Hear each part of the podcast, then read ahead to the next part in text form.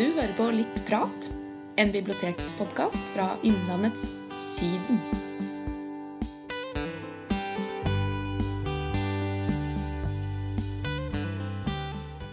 Da er vi tilbake her.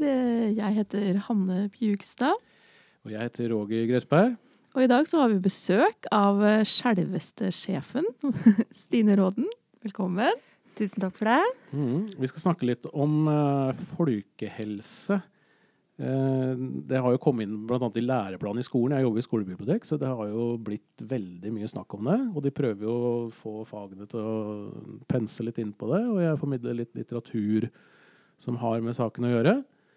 Men på hovedbiblioteket så vet jeg ikke helt hva dere gjør, Stine. Nei, jeg er veldig opptatt av biblioteket som folkehelsearena. Jeg tror det er en kjempeviktig folkehelsearena. Og det er jo fordi at det er en møteplass i lokalsamfunnet, først og fremst. Det er et åpent rom, et sted hvor alle kan gå, eh, uavhengig av bakgrunn og interesser. Det er jo det som vi kaller for lavterskel, eller nå er det jo mange bibliotek som sier terskelfritt. ikke sant? Det er gratis, det er tilgjengelig, og ikke minst det er et offentlig rom, da. Det er et, et felleseie. Eh, Det er liksom ingen kommersielle krefter som rår i biblioteket. Det er et sted hvor man kan eh, senke skuldra. Mm. Ingen bindingstid, ikke noe kjøpepress. Og, um, og det tror jeg har, har mye å si. Men den møteplassfunksjonen har jo på en måte Biblioteket som møteplass har vi snakka om i lang tid nå, egentlig. I flere tiår. Eh, så jeg, og det er eh, fortsatt en, liksom, en sosial rolle da, som bibliotekene har, som kanskje ikke mange tenker over, men som, som er der. Mm. Ikke sant? Og det er jo den psykiske helsebiten vi snakker om når vi snakker om bibliotek og folkehelse. Og det er jo ikke bare eh, og, da, og da tenker jeg liksom å fremme liksom trivsel, da. Glede i hverdagen. eh, livskvalitet. Sånne, sånne stikkord, sånne begrep som det. At biblioteket kan gjøre en forskjell. Mm. Og da snakker vi jo ikke bare om uh, bibliotekstjenester i tradisjonell forstand heller. Vi snakker jo ikke kun om litteraturformidling her, men det er jo også det å være ute blant folk, da er det ikke det? Ja, det Ja. er jo det er, eh, det er det, altså. Og eh, det som er det fine med bibliotek, er jo at man kan gå dit alene, men allikevel være en del av et fellesskap. Mm. Det tror jeg er veldig viktig. Eh, Man kan komme seg ut, man kan eh, oppsøke biblioteket da, og, og se folk og treffe andre. Og man kan på en måte legge opp det besøket som man selv vil. Man kan eh, snakke med noen. Man, kan, man er på hils med de som eh, jobber der. Um, og da kommer jeg til å tenke på, på et begrep da, som eh, jeg har hørt som heter 'kjente fremmede'. Det er fra en bok som heter 'Alene' av Peder Kjøs. Men det syns jeg passer veldig godt for bibliotek og møteplass og, og folkehelse. da. Dette her med å, å ha de der kjente fremmede i, i hverdagen. Det har jo noe med uh, ensomhetsfølelse uh, Måte å kunne ha andre mennesker å forholde seg til i det daglige, da. Det, der tror jeg at bibliotek som møteplass kan, kan gjøre en forskjell. Og i tillegg så er vi jo også noen, med, noen eh, møteplasstilbud, for å kalle det det, som har litt andre rammer òg, da. Ikke sant? Det er jo de helt eh, uforpliktende og åpne besøkende, men vi har jo også mange arrangement mange tiltak som kan passe for eh, noen hver. Så man eh, også kan måte, bli kjent med andre og være en del av noe. Mm. Og det er gratis. Det er jo det viktigste her òg. Ja, Det er ikke noe du trenger å betale for, så det, det er ikke noen sosiale forskjeller her. Man møtes på Ja, ja, like er- lik. Mm. ja. Så dette er jo og det er jo det som er det unike med akkurat denne møteplassen. Det vil jeg påstå også. At her er det jo eh, alle aldersgrupper. Det er jo én ting. Og veldig Altså brukere med veldig ulike behov da, og veldig ulike bakgrunn. Både som du sier, økonomisk og sosialt og etnisk og sånn interessemessig, ikke sant. Så her er det jo Det er liksom et tverrsnitt av befolkningen som møtes der. Og, um, og det er jo verdifullt. Det er jo derfor også biblioteket passer veldig godt som en integreringsarena. Det har vi jo snakka um, mye om opp igjennom uh, innenfor bibliotekverdenen nå. Dette her med å, å, inkludere og integrere. Og ha, være et, et uh, rom for det, da. Og det har, med, det har jo med at um, skal det ha en integrerende effekt, så på en måte må du ha bredden der. ikke sant? Du kan ikke bare ha det, det, de som faller utenfor, eller de som um, ikke gjør det. Du må på en måte ha, ha bredden, da. Så, så, det har nok en sånn sosial rolle som vi ikke tenker så mye over. Og jeg tror ikke vi heller skal gjøre det, også, men, uh, men, at det har en uh, betydning for folkehelse, det er jeg helt sikker på. Mm. Ja, for det er jo litt vanskelig å, å, måle effekten av det, kanskje. Av det arbeidet som biblioteket gjør. Det er jo veldig lett å telle hvor mange bøker du låner ut på et år, men akkurat i hvilken grad man hjelper folk mm. til å få det bedre, er jo vanskelig å, å telle, da. Ja. Men, men, det jobbes jo i hvert fall mye mer bevisst med disse tinga her enn en kanskje de fleste har kjennskap til, da. Ja, det jobber vi veldig bevisst med og målretta med. Og vi har også hatt flere prosjekter som går på det med å involvere brukergruppene i um, i å utvikle biblioteket, da. Ikke sant? For vi er jo til for eh, brukerne. For mm. innbyggerne. Så, ja, og så er biblioteket er litt uh, deres eget òg, liksom. Ja, ja. Det, og det, det syns jeg er så viktig. Å på en måte mm, jobbe for at innbyggerne skal ta det i bruk som sitt eget. Da, og få et litt eierskapsfølelse til biblioteket sitt. For det er et felleseie. Og, og og innbyggerne skal absolutt ha et ord med i laget når vi skal eh, utvikle tjenester og, og lage tilbud til folk. Da. Vi vil jo at det skal treffe, og vi vil jo på en måte dekke et behov. Uh, absolutt. Jeg tror liksom at det, altså møteplass og bibliotek og folkehelse, det rommer veldig mye, da. Um, det er jo bare det det å senke skuldrene og ha en sånn lavintensitet-arena, det kan jo være folkehelse for mange, mens for andre kan det være det å kjenne på mestringsfølelse, delta i aktiviteter, skape noe. Um, og være aktiv på, på den måten. Så det, det rommer veldig mye. Mm. Og jeg tror at bibliotek og kultur, da, bare for å snakke om kulturfeltet litt mer generelt, da, tror jeg liksom er en veldig viktig part i folkehelsearbeid. Og kan også samarbeide da, med liksom, helse, helseinstanser i kommunen f.eks. Jeg tror vi kan utfylle hverandre på veldig mange måter. Da. Ja, det høres jo kjempespennende ut når du sier det sånn. Mm, det er jo sånt som kanskje folk som ikke jobber i bibliotek eller kultursektoren eh, tenker så mye over òg. jeg tror ikke, tror ikke, det er noe folk tenker over, og det er på en måte for så vidt helt greit. Men, eh, men vi, vi, er jo veldig opptatt av den biten. Og som vi var inne på den litt tradisjonelle med utlån av bøker og, og, litteratur og kunnskap, det er på en måte basistjenesten. Det er liksom kjernevirksomheten som ligger i bånn hele tiden. Men den, eh, den møteplassfunksjonen og, og, og folkehelse nå, da, som jo er eh, Som, som er liksom noe vi er opptatt av i dag, det, det jobber jeg faktisk eh, veldig bevisst og veldig mye med. Og der har vi der ser jeg fram til å, å prøve ut eh, måter å utvikle det på, da. Det blir en enda bedre folkehelsearena i Kongsvinger for, for innbyggerne. Mm. Bare dette andre helseutfordringene våre eh, er over. Korona, ja, smittevern og sånn som vi jobber veldig mye med i dag, da, men som vi håper ja. vi snart er ferdig med. For i dag når vi spiller inn, så er det jo stengt. Stengte mm. dører. I hvert fall for allmennheten. Det er veldig kjedelig. Det, og det merka vi jo òg i fjor. Da var vi jo stengt ganske lenge etter mars 2020. Og da, merk, da merka vi jo det at det, det, var et behov for oss som en møteplass som da folk mista, som fikk følger da, for mange av stamkundene våre, f.eks. Ja. Så det er leit. Mm. Og det er vel gjort også studier av dette her. Vi snakka litt før vi begynte å spille inn her, Hanne, om eh, hvordan litteratur, da, for å komme inn på en av grunnsteinene i biblioteket her, om hvordan det kan eh, hjelpe folk, da.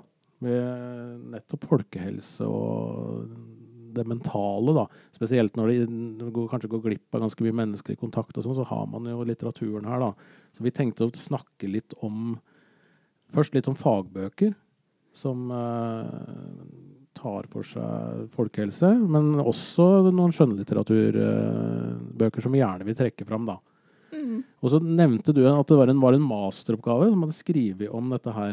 Ja, det var en masteroppgave om folkehelse, men i den konklusjonen så ble Det var liksom fint, for da ble Astrid Lindgren trukket fram som en sånn eh, et verktøy da, i egen folkehelse. At eh, hvis du leser Astrid Lindgren som barn, eller eh, eventuelt som voksen, så der, er det veldig mye mestringsfølelse, sterke hovedpersoner og sånn som gir deg litt sånn ballast til å eh, Ja, til, til å kanskje tåle verden litt bedre. Litt mer mestring. Så Astrid Lindgren er, er en grunnstein. ja. Grunnstein i folkehelsa. ja, men det kommer jo hele tida nye studier og meninger om dette her, da. Og det er jo veldig i vinden, som jeg snakka om i stad. Det er inn i skoleverket, plutselig. Og noen fagbøker som har kommet nå. Peder Kjøs ble nevnt. Har du lest den sine alene? Jeg har lest deler av den uh, alene, ja. Mhm. Og Som handler om nettopp det med de her uh, møteplassene. Uh. Og det, og det, det er veldig interessant. Det er mye interessant å lese innen det. Mm. Det. Else går til psykolog òg, er en bok som vi snakka litt om. Det er jo en bestselger med Else Kåss uh, Furuseth. Den er jo mer humoristisk igjen, da. Og, Ja, det, det det er jo litt hennes trademark, kanskje. At det er jo humoristisk, men det er tragisk samtidig. Fordi ja, ikke sant? Mm. det er jo det er, nesten, det er vel nærmest sånn transkribert fra hennes samtaler med psykologen fra terapirommet. Mm. Og hun er jo morsom, og man kan jo le av mye av det hun sier, og sånn, men samtidig så Jeg syns den boka er god, da. Jeg syns mange av de her selvhjelpsbøkene kan bli litt sånn vanskelige. At kanskje man eh, nesten får det verre av å lese dem. Fordi at du tenker at eh, å, bare kjøper du den boka her, så skal alt bli bra. For det står jo nærmest det på framsida. Mens det eh, den her om Else, den er den er eh, fin fordi kanskje for noen da, så kan det her terapirommet være skremmende, men der blir du litt kjent med det. Ja, ikke sant? Og så er det Ja, Else Kåss Furuseth er morsom, men hun er òg veldig sårbar i den boka. Og det kan òg være litt sånn trøst og, og lære at eh, det er ikke bare du som leser, da, som er en sårbar person, liksom. Hun avvæpner jo litt eh, hele den eh, psykologbiten, da, som kanskje er litt skummelt for, eh, for mange også. Det er sant, det. Ja. Hun har også en del ja, sånn forslag da, til hvordan man kan løse, løse utfordringer man står overfor. Så jeg tror det er mange som kan ha utbytte av det, uten at man på en måte har en veldig sånn stor og alvorlig livskrise. Så er det på en måte noen gode ord å ta med seg på veien allikevel. Mm. Og så blir man litt underholdt samtidig, så det er jo knalltips, egentlig. ja. Men du snakka litt om selvhjelpsbøker her. Eh, Agnes Ravatn har jo skrevet en veldig morsom eh, bok som heter 'Operasjon selvkontroll'. Er det ikke den heter, Hanne?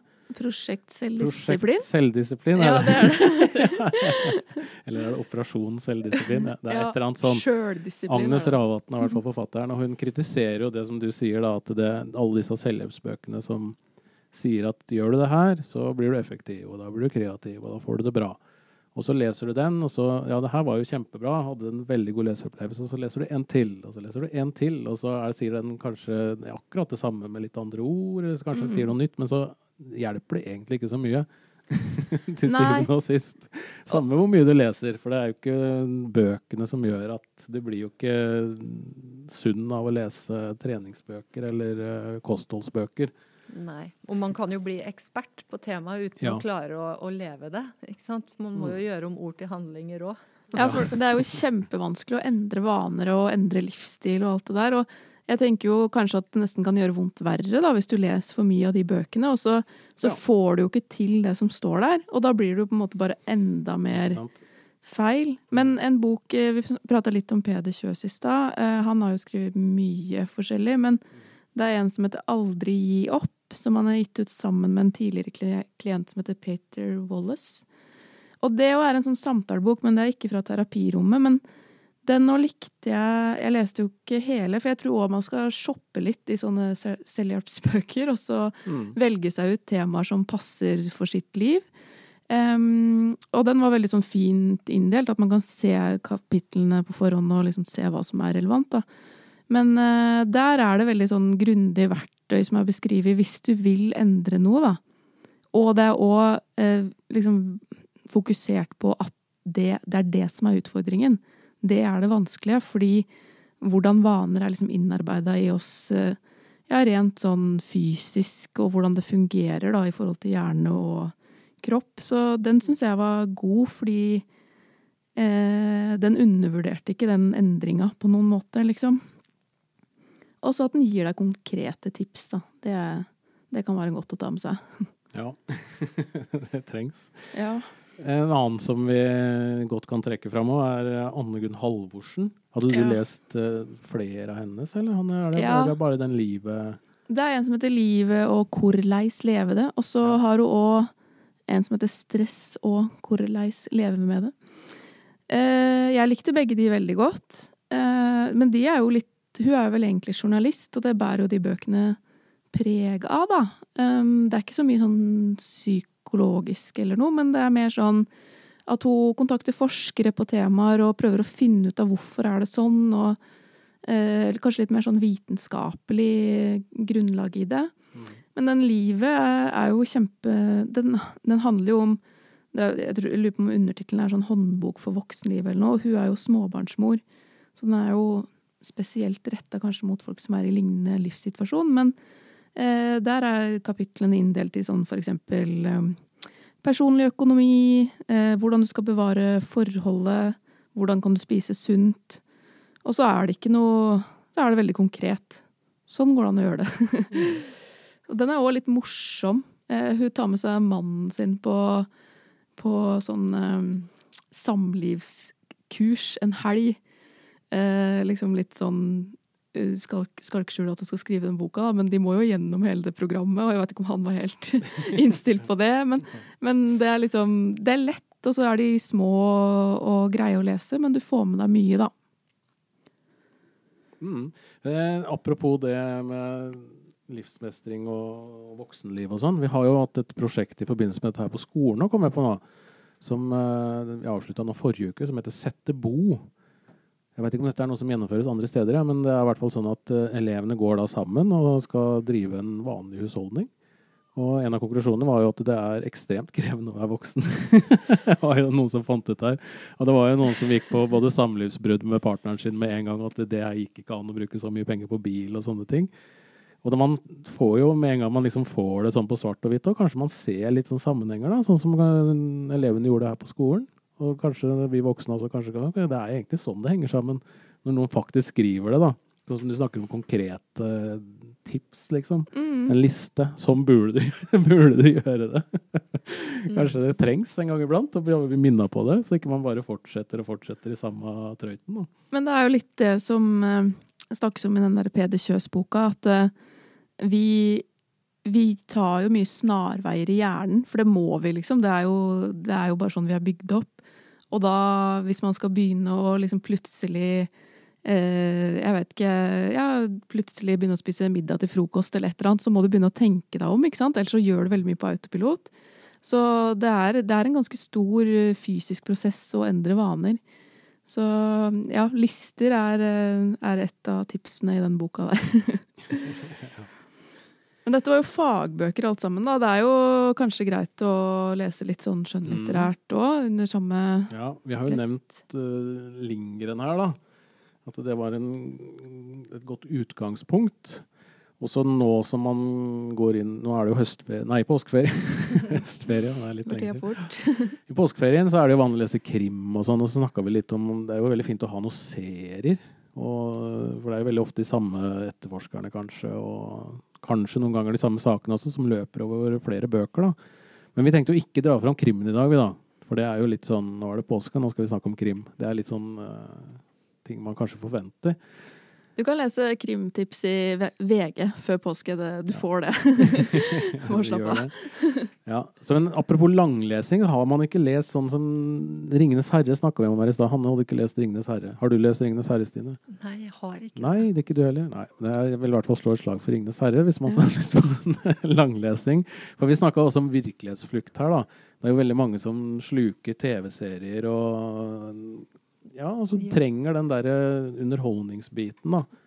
Ekstra kanskje nå i disse tider, og da er det Kanskje man skal plukke opp en sånn fantasyserie. Og 'Ringenes herre' er jo noe som alle, alle veit sånn cirka hva det handler om, tror jeg. Men uh, det er litt av en reise, altså. Det er uh, en klassiker til, til glede, ja. glede, fortsatt. Ja, for jeg, jeg, har jo egentlig ikke tenkt på at jeg skal lese den, for å være helt ærlig. Jeg, jo, jeg liker jo veldig godt filmene, men uh, Kanskje det er noe, ja. Altså, det er vel sikkert ganske godt uh, litterært òg, regner jeg med. Ja, det. Og Harry Potter nevnte vi òg, hvis man skal mm. lese, lese, med barna og sånne ting. Og det er jo for hele familien, egentlig. Det trenger ikke å være bare for barna, det. Ja. Nei, men det er kjempefint å lese sammen med litt større barn, da. Ja. Det er jo Ja, jeg tror det er jo sikkert mange bøker man leser med tiåringer som er ganske kjedelig for de voksne, men der tror jeg du kan lett la deg rive med. Ja. Og så er det veldig godt å ha den der eh, gangen i det, da, med serier, og det er et ordentlig dypdykk, liksom. Jeg syns det er uh, egentlig en ganske god følelse. Når du har, kan du se Oi, jeg har faktisk lest 3000 sider, liksom, på ja. den perioden her, og med de samme karakterene. Og du, det, er en, det er en opplevelse, altså. Det er det. Ja, og jeg tror at i påsken i hvert fall, eh, så er det jo mange som har god tid. Det er ikke en sånn stressende høytid som ja. Eh, mange av de andre. Så det er en veldig ordentlig ja. leseuke, det der, altså. Ja, i hvert fall nå som vi ikke kan møtes uansett, så må vi jo finne på noe. Mm. Så det kan jo være litt sånn der premie til seg sjøl etter ett år korona, med koronatiltak. Så må man ta det gode. Mm. Man bør det. Eh, Ferranto nevnte vi her i stad, at det er en serie som mange har lest. Det er, jo, det er jo en grunn til det. Den er jo god. Og vi har jo også masse humorbøker. Vi sleit litt med å finne litt sånn Vi trenger kanskje noe lettbeint. Nå har vi snakka veldig mye om folkehelse, og at det er mange som sliter med ting, kanskje, og sånne ting også. Og så snakka vi litt med en kollega av meg her i stad om han hadde noen gode tips, og han var jo rett på Passelinna, f.eks. Han er jo veldig populær, og han skriver jo humoristisk om tunge ting, som fengsel og selvmord og, og sånne ting. Og drukkenskap. Eh, en mann med navn Ove ble nevnt, men det er jo ting som alle har lest, liksom, eller som alle veit hva er for noe. Men det er jo ting man kan plukke opp hvis man bare vil ha noe rask underholdning òg. Hundreåringen, for eksempel, og sånne ting også. Mm. Det er jo en grunn til at så mange har lest dem. Det er jo veldig underholdende og, ja. og lett å, å, ta, da, liksom. Mm filmatisert, og så kan man få inn det der òg. Ja, ja. så, ja. så, det er en mulighet for dypdykk der òg, og veldig lettbeint, altså. Mm. Og så vil vi også slå et lite slag for uh, noen tegneserier her på tampen òg. Uh, jeg, jeg, hadde egentlig tenkt å snakke litt lenger om uh, Anders Kvammen og hans ungdomsskolen. Var den nominert til Nordisk råd? Oh, Litteraturpris. Men... Ja, det er en av de der eh, høytsvevende, og det er litt spesielt ja. for en tegneserie som, uh, hvis man skal være ærlig, ikke er så teknisk god heller, sånn i streken, men innholdsmessig tar for seg veldig mye av det her, da. Det er veldig kritikerros, da. Ja. Fått, uh, han har også en ny en ute nå, eller en halvny en, som heter Jobb, som handler om arbeidslivet. Og alt dette handler jo på en måte om livsmestring og folkehelse det virker som det er selvbiografisk. Han har jo stått fram at dette er jobber jeg har hatt, og sånne ting i hvert fall. Og den ungdomsskolen den handler da om en gutt som uh, mister liksom den viktigste personen i livet sitt. Han har en uh, bestevenn, en fetter, tror jeg det er, som dør i en ulykke. Og da er det jo en traumatisk opplevelse, og så opplever han mobbing på skolen. Og så har man hele den der ballasten som bare blir verre. Han blir jo usikker, og det baller på seg. ikke sant? Og det er en veldig, veldig sterk historie, altså. Som, eh, men det jeg tenker da, er med koronaen midt oppi alt dette Hvis man nå opplever en litt sånn krise, da. For eksempel, det skjer jo sånne ting hele tiden, at folk opplever sånne ting. Og nå mister jo mange dette nettverket. Så jeg tror disse historiene her er eh, ekstra sterke nå, altså. Altså ikke bare historiene, men eh, realiteten i dette her. Så vi trenger noe oppløftende. Har vi noe mer oppløftende tips, eller? Ja, men jeg tenker på det, det kan jo være litt oppløftende å, å liksom merke at det, det fins andre som er i litt samme situasjon, da. Det, sånn kan det jo funke positivt. Men eh, når du er inne på tegneserie, så er det jo Tegnehanne, da. Ja. Som er eh, Nå er det jo kanskje Hun er jo litt samme livssituasjon som meg, med småbarnsmor og sånn. eh, Nettopp født. Det gjorde hun jo noe på som var litt morsomt. Og tragisk òg, for så vidt. men, eh, men hun eh, Det er jo tegneserie som er eh, veldig sånn Samfunnet tatt på kornet, og ja, man kan le og kjenne seg igjen i det, da. Therese Eide òg er litt i samme samme båt, holdt på å si. Og så har de jo òg gjort litt sånn ting rundt korona som kan være morsomt å ta med seg nå. Ja, for Tegnehane det er vel egentlig en blogg opprinnelig, som er en liksom tegneserie, og så har det liksom gått litt sånn over i bokform. Så det er jo egentlig dagboka hennes som man leser her, da. Ja, og det er veldig, det er veldig smart, syns jeg. Det er veldig sånn Ja. eh, Hun sier mye med få, få ord, men og rik, rike tegninger, da. Ja. Mm. Det er et veldig, veldig godt tips, og det er mange bøker også. Mm. Jeg leste også, hun gikk litt sånn meta der, hun begynte å snakke om egen produksjon også. Det var så fælt å lese de første nå, at det var liksom å nei, noen folk kom med det og skulle ha signert den første. Så hun har kommet ganske langt, tror jeg, samtidig som hun kan se tilbake på det hun har produsert, ja. Mm. Så bra. Men jeg tror i hvert fall det som er oppløftende og sånn godt å lese, eller hva som er virkelighetsflukt, det er jo veldig individuelt. Det er. Så med en liten sånn eh, prat med bibliotekarene, så klarer vi å finne gode tips. Mm. Det gjør vi. Få komme innom eh, Kongsvinger bibliotek når eh, dørene åpner igjen. Ja, vi gjør det. Ja. Men nå kan du ringe, da, så vi Ja. er, vi er tilgjengelige. Det er mulig å låne. Ja. Selv om vi har stengt, så send oss en mail eller slå på tråden, så finner vi noe.